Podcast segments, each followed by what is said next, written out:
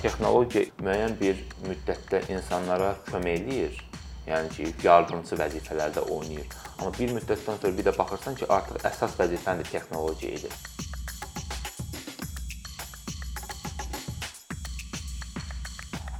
Salam Sibhan, xoş gördük səni ikincidə. Mən bilirəm ki, sənin əsas tədqiqat istiqamətlərindən biri bu sosial-iqtisadi məsələlərlə bağlıdır. Hər kəsin gündəmində olan, daimi belə müzakirələrə səbəb olan istiqamətlərdən biri də bu işsizlik məsələsidir.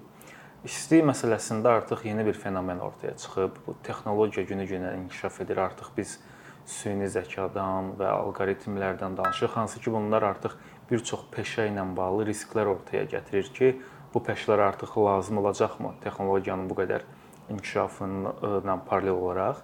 Digər tərəfdən amma biz həm də buna sevinirik ki, yəni texnologiya günü-gündən inkişaf edir, bizim rahatlığımız artır, komfortumuz artır.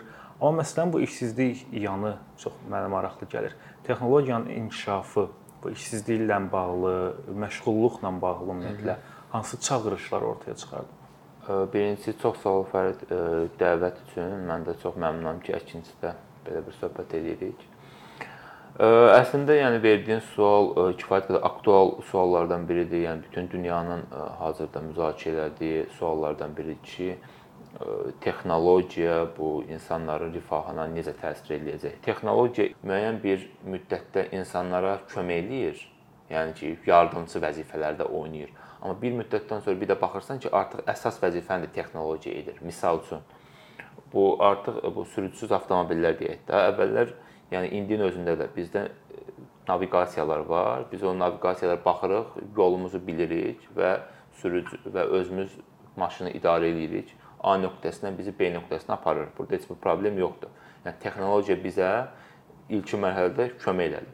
Ancaq indi nə olur? İndi artıq belə görünür ki, texnologiya təkcə bizə kömək eləmir, həm də bizim işimizi də əlimizdən alır. Necə? Artıq sürücüsüz avtomobillərdən biz danışırıq.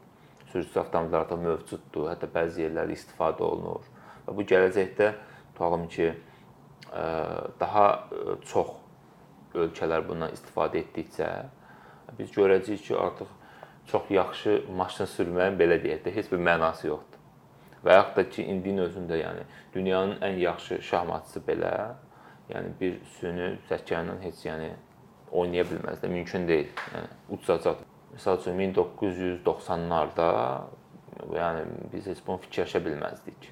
Yəni məsəl üçün Kasparov özü ilk dəfə məsələn şahmatda bu uduzmamışdan əvvəl o bu məsələləri gülürdü. Məsələn, onun müsahibələri var idi bununla bağlı. Yəni mümkün deyil də. Ancaq indi heç biz o müzakirə belə eləmirik. Bu belə görünür ki, bu gələcəkdə də bu texnologiya inkişaf elədikcə əsasən məsəl üçün mən belə hesab edirəm ki, əsasən ə, orta sinifin gördüyü işlər sıradan çıxmağa başlayacaq. Bürokratik işlər. Misal üçün hansısa bir sənədlərin klassifikasiyası, kargüzarlıq məsələləri, Yəni hansılar ki, gündəlik işlərdir və yenilik tələb eləmir. Məsəl üçün bir oteli fikirləşək ki, otelin ə, e, təmizliyi, otel təmizləmək və orada hansı təmizlik işlə, gigiyenik işlər aparmaq, burada yenə də insanlar olacaqdır. Ancaq otelin girişində mən artıq Avropada olanda orada görürdüm ki, artıq otelin girişləri e, belə deyək ki, avtomatikdir. Girirsən, kod var, yığırsan, otel daxil olsan, səni heç kim qarşılamır, resepsiyon yoxdur və oradan qalxırsan liftlərlə. Ancaq təbii ki, həmin sənin o qaldığın otel təmizləyən kimlərsə var. Yəni o işlər qalacaqdır. Daha çox ə, ə, qeyd etdiyim kimi gündəlik görülən rutin işlər, klassifikasiya, tutalım ki, hansısa hüquqi mətnlərin yaxud da digər mətnlərin analizi. Bax bu məsələlərdə biz görürük ki, texnologiya, süni zəka artıq insanları bir növ çıxardır. Burada maraqlı bir məsələ ortaya çıxır. Çünki ə, e, hökumətlərin bu məsələyə reaksiyası və hazırlaşması necə olmalı? Məsələn, iqtisadçılar Azərbaycanda əmək bazarı ilə bağlı danışanda tez-tez deyirlər ki, bizim e, iqtisadi fəal əhalinin cəmi 17%-ə yaxın ali təhsillidir. Hələ mən onu qırağa qoyuram ki, 17%-in nə qədəri doğrudan da keyfiyyətli ali təhsil alıb. Çünki Azərbaycan universitetlərinin keyfiyyətli təhsili hər zaman müzakirə olunur.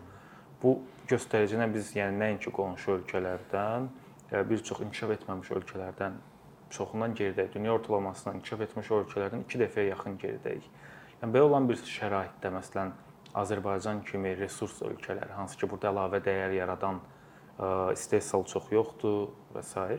Bunlar necə hazırlaşmalıdır hökumətlər? Çünki hal-hal hal-hazırda ən azı nəzəriyyə üzərində belə ki, işsizlik müavinətləri təklif edir bəzi ölkələr, bəzi ölkələrdə müəyyən məşğulluq proqramı var. Bunlar bir tərəfdən mənim maraqlı hökumətlər buna necə reaksiya verməlidir? Digər tərəfdən insanların peşə seçiminə necə təsir edəcək? Artıq bizə ə, daha çox aşağı ixtisas tələb edən peşələr, məsələn, peşə məktəblərinə, orta ixtisas təhsil müəssisələrinə mi yönəlmə olacaq, yoxsa universitetlər boş qala bilərmi? Bu təhsil və hökumətin siyasəti baxımından necə yanaşmaq olar buna?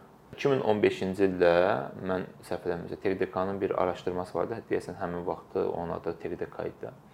O dedi ki, 2025-ci ildə əmək bazarında olan gənclər mövcud əmək bazarının şərtlərinə ancaq 25%-nə tələblərə cavab verəcək. 2015-də deyirdi bunu. Biz artıq ondan 7 ildən çox vaxt ötübdür. Və e, belə bir ciddi bir addım da atılmadı da. İndinin özündə mən, mən mən belə baxıram ki, o vaxtında peşə təhsilinə, vaxtında bu günün çağırışlarını tam olaraq təhlil eləməmək elə gətirdi, e, ona çıxardır ki, biz bəzi infrastruktur qurulmasına, bu bu sahədə addımların atılmasına artıq bir xeyli vaxt arxada qaldıq. Bəlkə də bu işlərə 2010-da, 2011-də start alınsaydı, indi daha fərqli bir mənzərə olardı. Ancaq biz indi-indi hələ bu sahədə investisiya, startaplar və s. yəni biz onların önəmin indi indi hələ cəmiyyətdə müzakirə eləyirik. O da çox az, çox cılız. Belə. O ki qaldı belə deyək də hökumətlər buna necə reaksiya verməlidir? Əslində çox bu çox çox şaxəli bir sualdır. Mən belə deyim ki, təbii ki, bunun birinci tərəfi təhsildən start almalı idi, başlamalı idi. Yəni təhsildə belədir ki, yəni biz təhsili mən belə fikirləşirəm ki, hər bir ölkə öz üçün müzakirə etməlidir. Təbii ki, ümumi dəyərlər var, ümumi trendlər var. Ancaq bu günlərdə məsəl üçün mənim üçün 11 illik bir təhsil nə qədər insanlar 11 e, illik təhsil mənə görə biraz çoxdur. Müddət olaraq çoxdur. Universitet təhsilinin özü. Bizdə indi yeni mən səhv eləmirəmsə sosial iqtisadi proqramda həyat boyu öyrənmə deyə bir söz qoyulubdu. Ki, yəni insanlar həyatları boyunca bir neçə ixtisas dəyişəcəklər. Ancaq gəlin görək ki, o, o ixtisaslar onlar harda dəyişəcəklər? O dəyişməyə yer o bacarıqları verə biləcəkmi, verə bilməyəcəkmi? Bax belə bir belə problemlər var da. Mən belə baxıram ki, bizdə bununla bağlı hələ ki infrastruktur, kadrlar, o öyrən öyrənmək istəyənlər, öyrədənlər hələ yoxdur və yaxud da çox azdır. Bax bu azlığın özü ə, e, mənə belə gəlir ki, biz o o çağırışlara heç də adekvat cavablar verə bilməyəcəyik. Düzdür, indi belə deyək ki, peşə təhsili ilə bağlı addımlar var, xüsusi bir agentlik yaradılıbdı.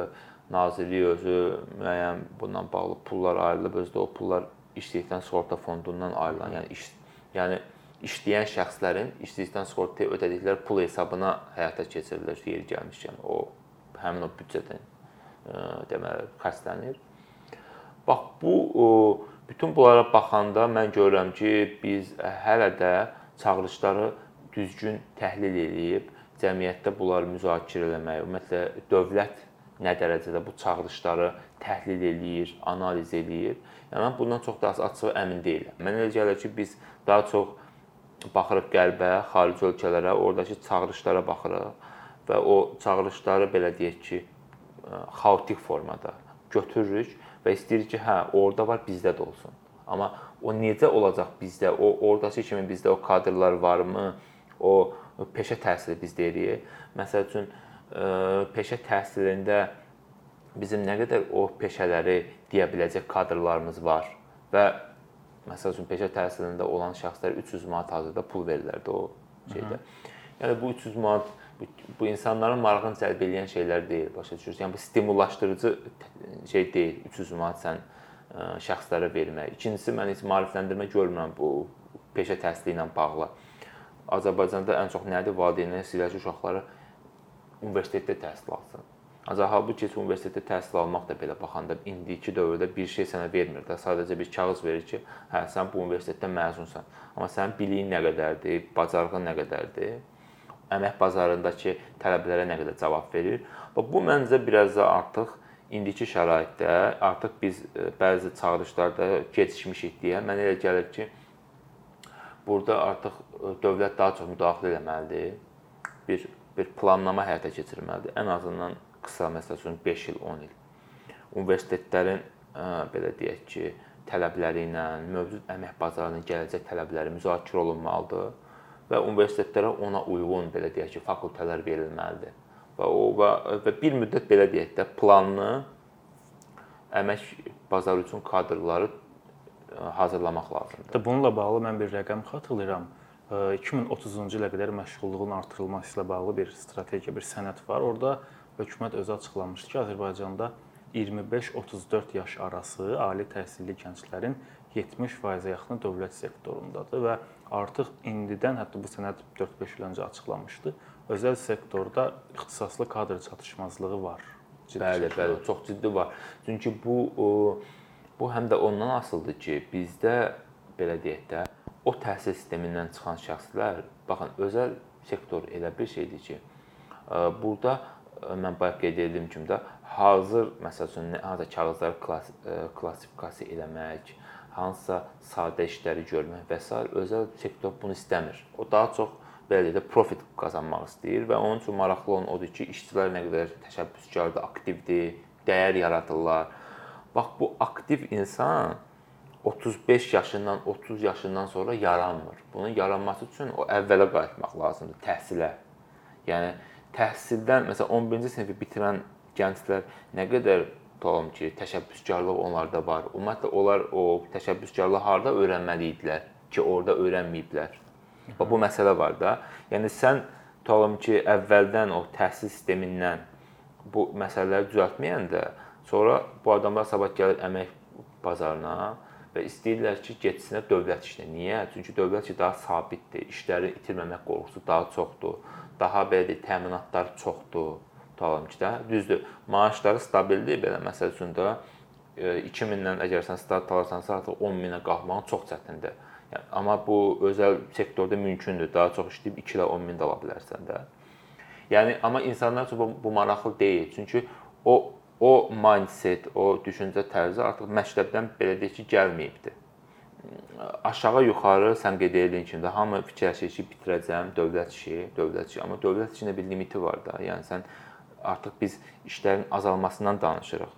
Məsəl üçün əvvəllər ən ən adi misalda biz biz uşaqlıqda gördük ki, metroya girəndə o, o koinlər, o balaca koinlər gedirdi orada, oradakı belə o xanımlardan alırdı və onları atırdıq, keçirdik. İndi o xanımlar yoxdur orada. Çünki artıq biz kartla məsələn də vururuq, keçirik. Və bu ən ən bəsit, yəni belə misallar çoxdur ki, əvvəllər uşaqlıqda gördüyümüz, amma indi görmədiyimiz sahələr var. İtiblər onlar. Hətta o, sən dediyin misalın özündə belə bir dəyişiklik var. Son dövrlərə qədər o həmin xanımlar olmayanda aparatlardan istifadə edir. Axı bir neçə aydır Bakı kartı onlayn olaraq balansını artırmaq mümkün. Hətta o aparatlar da artıq Hətta o aparatlar da yoxdur. O aparatlar yoxdursa, o aparatlara baxan, o texniki şeylərə baxan insanlar da yoxdur təbii ki. Bax bunlar yox olduqca, yəni xırda-xırda da bunlar axırda səbəb böyüyür. Bu böyüdükcə sən bunlara iş tapmalısan. İndi misal üçün hazırda dövlət ə, e, əsaslı məsələn sokar olsun, dəmir yolları olsun Bunlar tutam ki 50 min işçi işlədirlər, halbuki 30 min də işləsələr olar da 50 min daha çox. Niyə onlar işlədirlər? Çünki fikirləşir ki onlara maaş verim, yəni ali təhsillər və s. Yəni onlara çünki əgər onlar da o maaşı verməsələr işsiz qalacaqlar da. Hələ ki neft hesabına, digər yəni resurslar hesabına onlar həmin işlərdə qalırlar. Amma bu keçid çox sürətlə olacaqdı. Yəni bu Çünki bunu fikirləşmək lazımdır. Mən ə, e, Gəncə Bakı qatarı ilə məsələn istifadə edəndə orada gördüm ki, şeylər var, belə deyək, konduktor deyirlər də, orada oturan o xanımlar var. Bir anlıq fikirləşdim ki, bunlara görürsən burada nə ehtiyac var? Həqiqətən də də artıq mən bu yaxınlarda gördüm ki, aç açıqlama verilib ki, biletlər də onlayn alınacaq, ora daxil olunacaq və s. Əvvəllər onlayn alsam belə kassadan bileti bəli, götürmək bəli, kassadan bileti götürməliydin və o kassada sənə bileti verən şəxs var da. Artıq heç ona da ehtiyac qalmayacaq. O oradakı konduktorlara da ehtiyac olmayacaq. Yəni bunların özləri yavaş-yavaş görürsən ki, bu ancaq o şəxsləri əmək bazarına inteqrasiya, yenidən reinteqrasiya eləmək çox çətin olacaq. Çünki onunla bağlı bir bir plan, proqram mən hazırda görmürəm. Bəlkə də elə yaxşı olar ki, o qurumların özləri hansı işləri ki, gələcəkdə itəcək 3 ilə, 5 ilə onu bir e, gözlənti kimi yaradıb həmin şəxsləri bu peşə treninqlərinə cəlb eləməlidirlər indidən artıq. Çünki məsəl üçün Azərbaycanda mən belə baxıram ən çox ə, e, işləyirlər insanlar mağazada, xidmət sahələrində də. Məsəl üçün artıq xaricdə elə mağazalar var ki, heç orada şey yoxdur, satıcı yoxdur, kasser yoxdur. Bu adamlar sabah Azərbaycanda belə mağazalar açılsa, bu işçilərin gələcəyi aqibəti sual altındadır. İndi artıq hər şeyi, bütün o həlləri, nəyisə axtarmağı və s. də bunu artıq internet, Google bizim üçün edir. Bizə lazım olan şey məlumat deyil, o məlumatın analizidir. Mən mən belə fikirləşirəm ki, gələcək artıq o analizlər üzərində qurulacaqdır. Biz biz bu dəqiqə heç istəmədiyimiz qədər hər yerdən məlumat alırıq. İstənilən qədər, yəni saysız hesabsız kitablardan, nə bilim, internetdən ən çox, sosial şəbəkələrdən. Yəni ən önəmli məsələ nədir? O məlumatı filtr etmək. Məsəl üçün dezinformasiyalar nədir burada? Bu analizlərdə bu məlumatlardan nəticə nədir, onları necə analiz etməliyik və s. də. Bax bu bunlar mən fikirləşirəm ki, bizim gələcək yəni əmək bazarına tələbat olacaqdır. Bunun üçün də buna uyğun kadrlar, gənclər yetişdirmək lazımdır. Və buna uyğun gəncləri yetişdirmək üçün də təbii ki, sən sənin gənclərində, kadrlarında nə olmalıdır? Sorğulama, tənqidi düşüncə, məlumatlarla işləmə bacarığı Yəni bunlar hamısı bir bir bir e, kompleks məsələdir və bizim gənclərimizdə məsələn bu dəqiqə universitet, ali məktəblərdə e, və yaxud da ki, orta məktəblərdə də bax bu o sorğulama gücünü, o sorğulamanı verəcək bacarıqda kadrlar, müəllimlər yoxdur. Mən belə başa düşürəm. Çox sağ olun, çox, çox maraqlı müzakirə üçün təşəkkür edirəm. Çox sağ olun, mən təşəkkür edirəm.